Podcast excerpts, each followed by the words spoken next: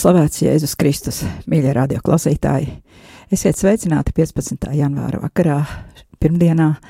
Klāt atkal rai, laiks raidījumam vairāk tevis manī. Skan radio Marija Latvija un studijā es Sandra Preisa. Iesākumā daži tehniski paziņojumi. Ētera telefona numurs kā vienmēr 67 969 131, numurs izziņām 266, 77, 272. Un vēl viens paziņojums, kas attiecas uz nākamo raidījumu. Nākamajā pirmdienā, 22. janvārī, raidījuma nebūs, jo no 18. līdz 25. janvārim ilgst lūkšanu nedēļa par kristiešu vienību, un ir paredzēta speciāla lūkšanu programma šajā laikā. Tāpēc mēs tiksimies tikai 29. janvārī pēc šā raidījuma. Nesen kā pavadījām veco gadu un sagaidījām jauno ar pateicības himnu te devumu, un arī divos iepriekšējos raidījumos pārdomājām, kas tad ir pateicība, kā, vai, kad un kam būtu jāpateicas, un kā ir, ja pateicību savā sirdī nespējam vai neprotam izjust. Šī vakara pārdomas būs veltītas pateicības māsai, pazemībai. Jo cilvēkā nevienas jūtas, emocijas, tikums vai netikums nedarbojas autonomi. Tie visi ir saistīti savā starpā un ietekmē cits citu, gan pozitīvā, gan negatīvā virzienā. Bet tagad palūksimies tās mūsu lūgšanu, un pēc šīs lūgšanas kopā ar Dominikāņu brāļiem latīņu valodā varēsim palūkties arī lūkšanu tavā patvērumā. Dieva tēva un dēla un svētā gara vārdā Āmen. Tēvs mūsu, kas esi debesīs, svētīts lai top tavs vārds, lai atnāk tava valstība, tavs prāts, lai notiek kā debesīs, tā arī virs zemes. Mūsu dienascho maizi dod mums šodien, un piedod mums mūsu parādus, kā arī mēs piedodam saviem parādniekiem un neieved mūsu kārdināšanā, bet atpestī mūs no ļaunā. Āmen! Mīļo māmiņa Marija, esi ar mums šovakar kopā un palīdzi mums, mums šīs pārdomas par pazemību izdzīvot tavā mīlestībā un tavas pazemības gaismā.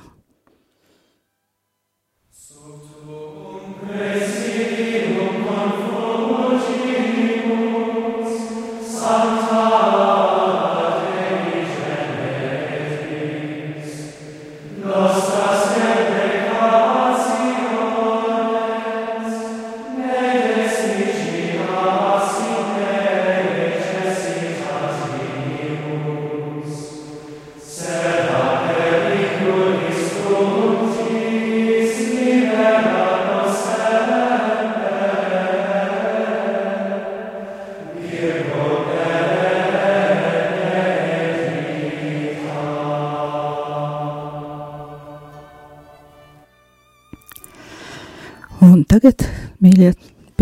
tēmas. Ievadā kā šīs dienas tēmu pieteicu pārdomas par pazemību. Un to es izvēlējos tāpēc, ka šī tēma vistiešāk izriet no iepriekšējās tēmas, kur apskatījām, proti pateicība. Mēs runājam par to, ka ir gadījumi, kad cilvēki nespēja pateikties. Viņu sirdī neveidojas pateicības jūtas arī tad, ja objektīvi viņi ir kaut ko saņēmuši dāvanā, pilnīgi nepelnīti. Vai nu no dieva, vai no cilvēkiem. Ja kāds, kurš ir saņēmis kaut ko tikai devēja labvēlības dēļ, un nevis savu nopelnu dēļ, uzskata, ka viņam tas pienākas, tad šajā situācijā ir acīm redzams bibliskās pazemības trūkums, jeb pašpaukstināšanās, nepamatota lepnība. Un šeit mēs redzam šo saistību, kāda ir pa spējai pateikties un pazemībai. Savukārt kļūda, kura arī tiek bieži saistīta ar vārdu pazemība, ir tāda, ka pazemība tiek saistīta ar pazemošanu. Noteikti esat dzirdējuši teicienu, ka pazemība nāk no pazemošanas. Taču šis izteikums ir ļoti slidens un var vest pie sekām, kurām nav nekāda sakara ar pazemības likumu vai ar cilvēka objektīvo labumu. Bet par to ir jārunā daudz plašāk, un es domāju, ka šodien vien mēs par to izrunāt nepaspēsim, un arī nākamajā redzījumā turpināsim šo tēmu. Pazemība ir viens no visvairāk slavētajiem un visvairāk pārprastajiem vai neizprastajiem tikumiem, īpaši kristietībā. Dažreiz to mēģina saukt par pašu galveno tikumu, uz kura balstās visa kristīgās dzīves izpratne. Tomēr tas būs diezgan pārspīlēti, jo ir vēl ļoti daudz citu tikumu, kā piemēram kardinālie tikumi, kurus nevelti sauc par kardinālajiem, eh, bet eh, tādēļ, ka tie patiešām ir visu tikumu pamatā. Un tāpēc šī milzīgās nozīmes piešķiršana pazemībai, ja mēs to neskatām citu likumu gaismā, var mūs drīzāk ievest dažādos pārpratumos un herēzēs nekā patiesā pazemībā, kuru mums māca pats Kristus, svētie raksti un baznīcas autoritātes. Un tas notiek nevis tāpēc, ka mums nevajadzētu būt pazemīgiem, bet gan tāpēc, ka šim vārdam tiek piešķirta nozīme, kādas tam nav, vai arī tas tiek saistīts ar šo minēto jau pazemošanu, kas pati sevi ir ļaunums, un ar ļauniem, ar ļauniem darbiem vai ar ļaunām metodēm, nu, diez vai mēs varēsim sasniegt, sasniegt labus mērķus. Protams, ka savu daļu šajās izpratnes kļūdās ievieš arī latviešu valodas īpatnības. Mums latviešu valodā ir tikai viens vārds pazemība, kuram ir salīdzinoši plaša nozīme. Savukārt Krievu valodā attiecībā uz biblisko pazemību, lieto vārdu smireno mudrie, jeb smirēņie, kas ir tiešā veidā saistīta ar dievišķo gudrību. Un šeit mēs e, pamanām varbūt arī saistību ar jau ļoti daudz minēto Akvīnas Toma citātu, kurā, kur viņš runā par to, ka visu grēku, tas ir tikuma pretstatu pamatā, ir muļķība, jeb dievišķās gudrības trūkums. Un mudrests Krievu valodā ir nevis vienkārši gudrība, bet latviešu varētu teikt viedums, jeb dievišķā gudrība. Savukārt angliski tiek izmantots vārds humility, kurš ir cēlies no latīņu valodas un ir saistīts ar zemi putekļiem. Bet par to mēs tālāk vēl dzirdēsim. Ja runā par pašpazemošanos vai mērdēšanos, angļi lieto vārdu mortification, bet ebeiz nozi ar nozīmi noniecināt, pazemot, pazemināt vai degradēt. Savukārt, latviski, kā jau minēju, e, pazemot, šis vārds ietver visu šo spektru, e, kuru mēs redzējām krieviski vai angliski, ietver vairāki vārdi. Savukārt, eh, ir interesanti, eh, pirms mēs apskatām, ko māca svētie rakstī vai kādi teologi par pazemību, paskatīties, kā tad Latvijā mūsu pašu latviešu cilvēki, kuri ir saistīti ar kristietību, saprot vārdu pazemību. Jāņa baznīcas mājaslapā var atrast tādu sarunu čatu ar nosaukumu Kā tu saproti pazemību? Un tur pauž viedokli, cilvēki, meklējoši cilvēki, kristieši, katrā gadījumā tādi cilvēki, kuriem ir kāds sakars ar baznīcu, jo citādi viņi baznīcas mājaslapā nerakstītu. Un ko mēs tur varam izlasīt? Senajos laikos pazemības gudrība, jeb krieviski smirēņie, bija mērķis, kuru varbūt dažs var aizsniegt tikai dzīves galā. Samierināšanās, saplūšana, pieņemšana. Tāds dieva tuvums, kad liekas, ka esi kopā ar viņu. Savukārt mums pirmais ir bijība, bet pazemība saistās ar zemošanos. Tas bija pirmais viedoklis. Otrais. Man šis vārds pazemība nesaistās ar zemošanos, vismaz ne tādā izpratnē, kā laicīgā pasaulē to dzird. Man nav jāiet baznīcā ar noliektu galvu pazemībā un lūgt dievu un tā tālāk. Es pazemību saprotu pieņemt visu to, ko Dievs mums dod gan labās, gan ļaunās dienās, un tā vienkārši runājot, nediktēt Dievam noteikumus. Ja es izdarīšu šo vai to, tad Dievs lūdzu dod man to, ko es vēlos. Protams, ikdienā jau bieži aizmirstās tas tavs prāts, lai notiek. Un tikko ienāca prātā, ka varbūt tā tad arī ir pazemības formula. Tas bija otrais viedoklis, ja, kur, teiksim, esence, kā pazemības formula varētu būt tēvreizē lietotie vārdi, tavs prāts, lai notiek. Tagad trešais viedoklis. Te laikam svarīga tā nozīme katrā valodā. Smirēņī ir skaidrāks vārds samierināšanās, miera iegūšana, bet pazemība liekas kaut kas tāds pēdiņās zemāks, tad, kad ir jāpazemojas, ka tu tiec apkaunots un tā tālāk. Nozīme šķiet pavisam savādāka, neskatoties uz nozīmi.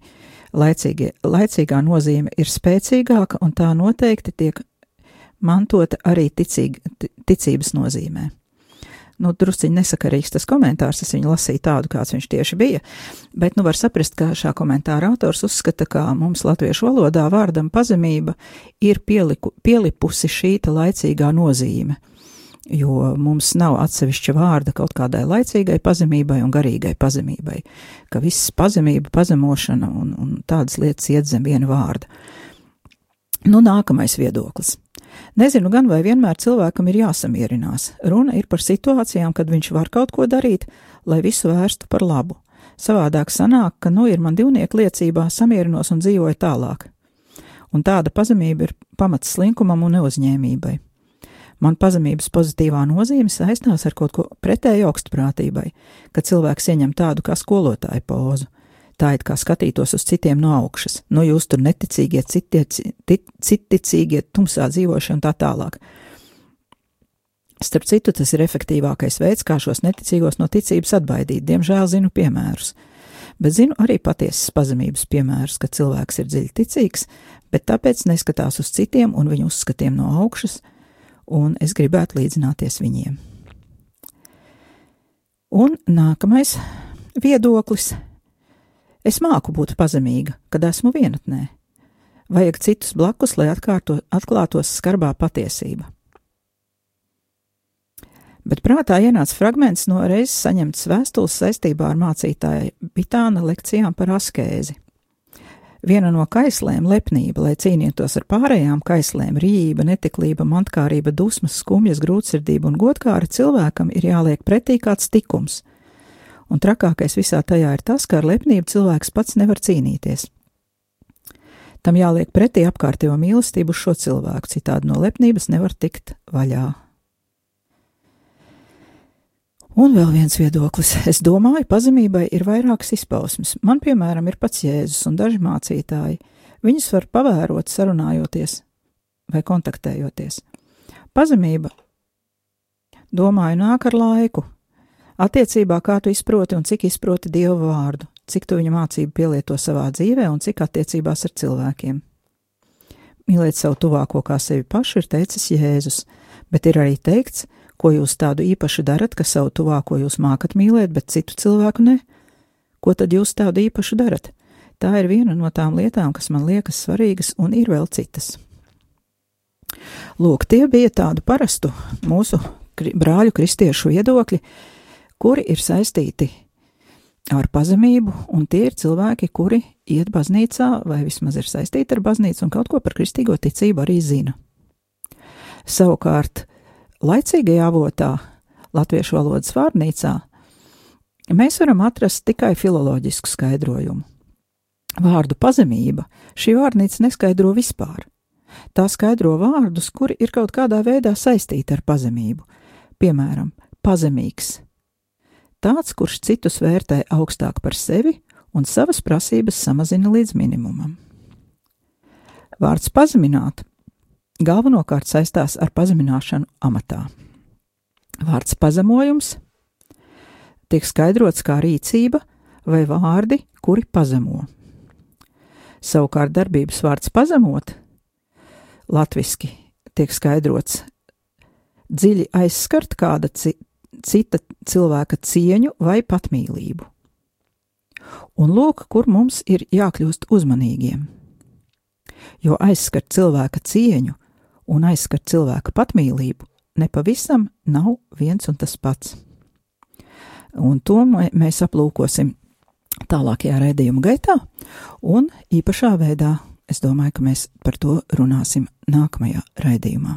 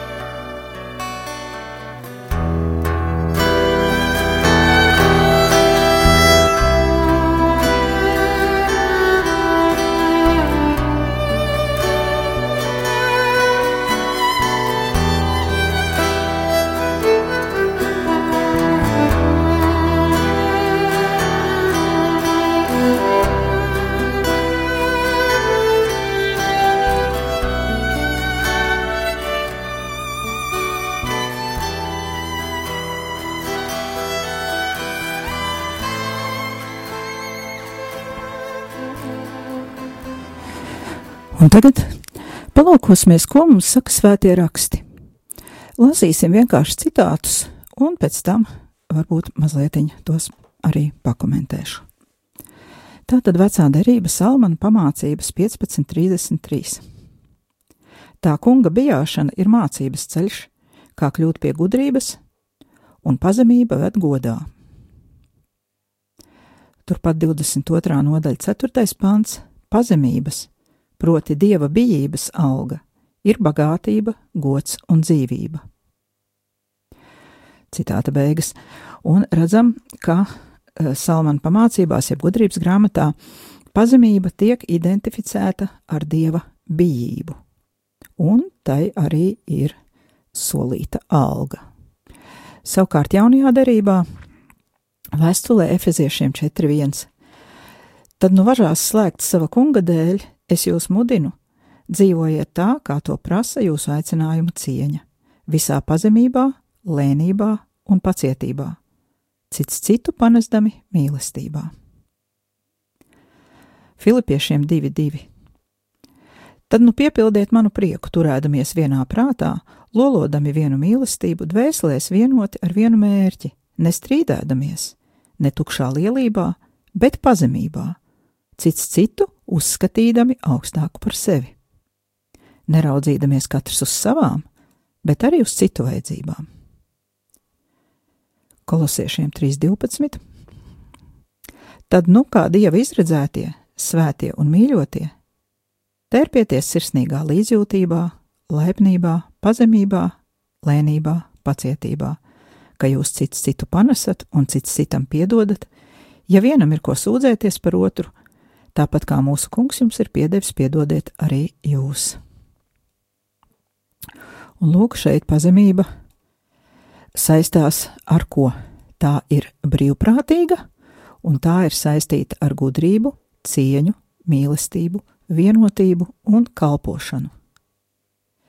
Un, ja mēs labi ieklausījāmies un pievērsām uzmanību, tad mēs nekur nelasījām, kā pazemība būtu saistīta ar pazemošanu vai ar kādu spiedienu no ārienes.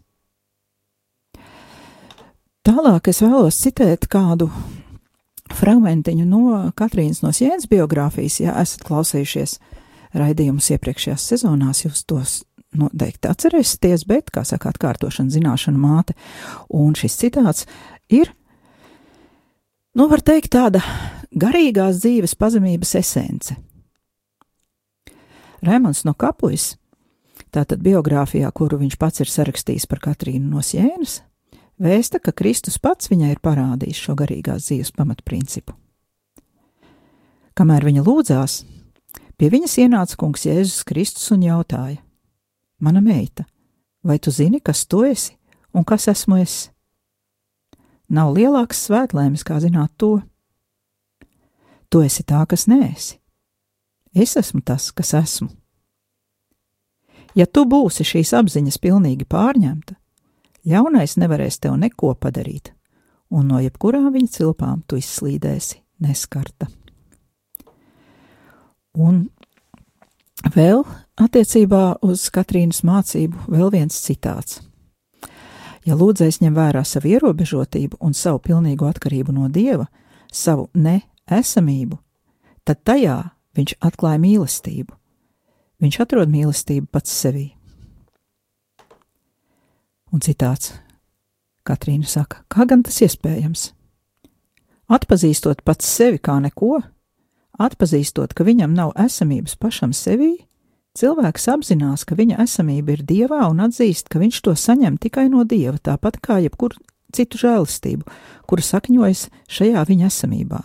Proti, katru žēlastības dāvanu, visas garīgās un laicīgās dāvanas, kuras Dievs mums dāvā. Esot nekas, mēs arī nevaram paturēt nekādas dāvanas, taču tieši tādā veidā cilvēks saņem visu, un viņš atklāja, ka viņam tas viss jau pieder dieva nenovērtējamās labestības un mīlestības dēļ. Vienīgi sevis pašu pazīšana, kad mēs ieraugām, ka mēs esam nekas, vienīgi tā padzen lepnību un ielēja mūsos patiesu pazemību. Šāda pazīšana ļauj atrast dieva brīvprātīgi dāvāto labestību un neizmērojamo mīlestību. Kā dzirdējām, šī Katrīnas mācība ļoti lielā mērā sakrīt ar to, ko māca svētie raksti. Nu, protams, tas nav nekāds pārsteigums, jo Jēzus vienmēr visiem māca vienu un to pašu, un tieši tāpat kā svētie raksti ir svētā gara iedvesmoti, lai gan tos ir rakstījuši cilvēki, tieši tāpat arī Katrīna un viņas garīgais tēvs Rēmons no Kapujas bija cilvēki, kuri tika iedvesmoti no tā paša svētā gara, un šeit mēs varam daudz mācīties. Tagad vēl viena neliela muzikālā pauzīte, un tad jau raidījums tuvosies beigām, un sekos arī nākamā raidījuma pieteikums, un varbūt kāds neliels jautājums pārdomām. Bet tagad muzikālā pauzīte. Kas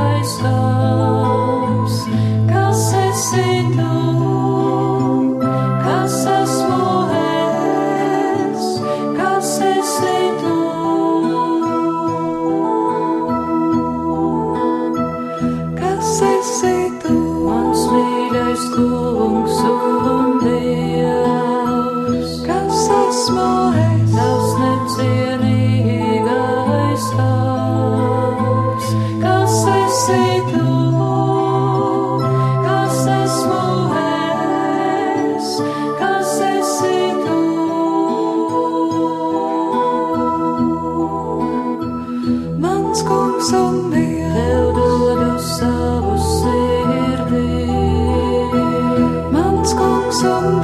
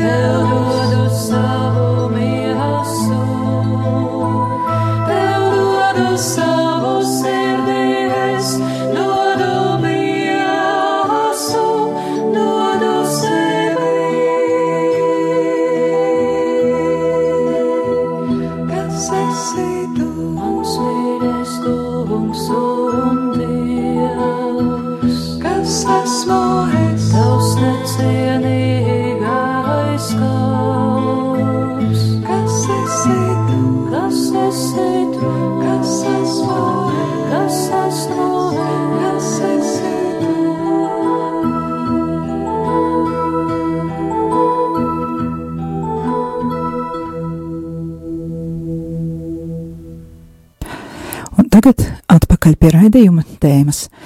Eh, Kā jau teicu, tuvojamies raidījuma beigām un noslēgsim ar praktiski nākamā raidījuma tēmas ievadu. Mums ir jābūt patiesiem. Mēs runājām par to, ka īsti pazemību nevajadzētu saistīt ar pazemošanu, nu tādā rupjā veidā, ka mēs kādu pazemojam, lai viņš kļūtu pazemīgs. Tomēr Bībelē uh, ir runa par pazemošanu, un tagad es izlasīšu vienu fragmentiņu no vecās derības, no ieba grāmatas, kas arī ir viena no gudrības grāmatām, un skatīsimies, ko tad tur saka. 40. nodaļa, 11. 12. pāns. Dievs runā ar iebu un saka viņam tā: Lai izplūst visā plašumā tavu dusmu kvēle, novēro ikvienu pašlepno un dari to atkal pazemīgu. Uzlūko katru pārgalvi, kas ir iedomīgs, un pazemo viņu, un satriec bezdievīgos tur, kur tie stāv. Tātad šeit mēs redzam tādu tiešu pamudinājumu pazemot, bet Dievs saka nevis vienkārši pazemot tur jebkuru, kuru tu satiec, un lai viņš tādēļ pazemojuma rezultātā kļūtu dievbijīgs, bet viņš runā par ko? Novēro ikvienu pašlepno un dari to pazemīgu, uzlūko pārgalvi, kas ir iedomīgs un pazemo viņu, un satriec bezdievīgos tur, kur tie stāv. Tātad par ko tad šeit ir runa? Dievs saka pašlepno, pazemot, un šeit, es domāju, mm, ir liela vaina arī šai te mūsu latviešu valodas nosacītajai nabadzībai attiecībā uz šo jēdzienu pazemošanu, jo pazemot pašlepno nav tas pats, kas pazemot nespējīgo, vājo vai nabagu. Un ļoti bieži šī tā sauktā pazemošana, kad tā skar lepnu cilvēku, pat nemaz īstenībā neizraisa viņā tādu īstu pazemojumu, jo netiek jau aizskarta cilvēka cieņa, tiek aizskarta viņa lepnība, tiek aizskarts patiesībā milzīgs grēks, kas viņa dvēselē ir iemitinājies, un aizskarot šo pašlepno un tā kā it kā pazemojot šo viņa lepnību, patiešām rezultāts varētu būt arī pazemība kādreiz šā cilvēka dzīvē, taču es domāju, ka pirmais gan varētu būt dusmas, un atkarībā kā šī pazemošana ir notikusi, varētu būt arī skaudība, jo, piemēram, ja lepns cilvēks satiek eh, kādu citu cilvēku, kuram ir tā, tikpat skaistas dāvanas kā viņam no dieva, varbūt, tas cilvēks otrs ir pazemīgāks un šīs dāvanas tādēļ prot labāk izmantot un gūt labākus panākumus rezultātā, tad šim te apdāvinātajam cilvēkam, kurš ir lepns par savām dāvanām, var rasties skaudība un naids, un nevis kaut kāda pazemība. Un iespējams, ka šādi te lepni cilvēki ir, nu, šajā nozīmē tiešām jāpazemo tik ilgi, kamēr viņi sapratīs, ka viņi nav nekādā veidā labāki par citiem. Un, un šī gadījumā šī runa par pazemošanu ir diezgan vietā un adekvāta. Un to arī runā 12. pāns, kurš saka, kas ir iedomīgs. Un vēl ir runa par bezdievīgajiem, kurus esot pat jāsatriec ar šo pazemošanu. Nu, tagad negribas vairs raidījuma beigās uh, izvērst garu analīzi, bet mēs jau dzirdējām iepriekš no citātiem par, no Sienas Katrīnas dzīves, ka bezdievīgiem noteikti nepiemīt šī te pazemība tādā nozīmē, kā par to runāja Katrīna, jo Katrīna saka, jeb precīzāk Katrīnai Dievs māca, ka pazemība tā ir saprašana par to, ka viss ir saņemts no Dieva un ka mēs varam tikai eksistēt un būt Dievā, un pilnīgi saprotams skaidri, ka ja cilvēks ir bezdievīgs, tad, nu, viņš nekādā gadījumā nedomā, ka viņš ir kaut ko saņēmis no Dieva, un ka viņš dzīvo dievā un no dieva un, un dieva dāvanu dēļ, un ka viņam būtu jāpateicās. Un tad arī ir skaidrs, kāpēc ir runa par bezdievīgajiem šeit, un bezdievīgie tiek likti blakus pašlepnajiem iedomīgajiem. Jo savas bezdievības dēļ viņi arī ir pašlepni un iedomīgi vēl briesmīgākā veidā, varbūt, nu, lai gan lepnība vienmēr ir briesmīga neatkarīgi no tā, vai cilvēks ir ticīgs vai nav. Lūk, Tātad šis ir vienīgais norādījums, nu, kuru es personīgi atradu svētajos rakstos, kur būtu norādījums, ka kādu drīkst pazemot un ka pazemot varētu būt labi, jo tas varētu vest arī pie labām sekām. Bet tā vairāk par pazemošanas un pazemības sakarībām mēs runāsim nākamajos raidījumos. Tagad es no jums atvedos. Izskan raidījums vairāk tevis manī, ar jums kopā biju es, Sandra Preisa, un atgādinu, ka tiekamies 29. janvārī. Tas ir nevis nākamajā, bet aiznākamajā pirmdienā, bet nākamajā pirmdienā aicinu uz lūgšanu par kristiešu vienību. Ar Dievu un labu nakti!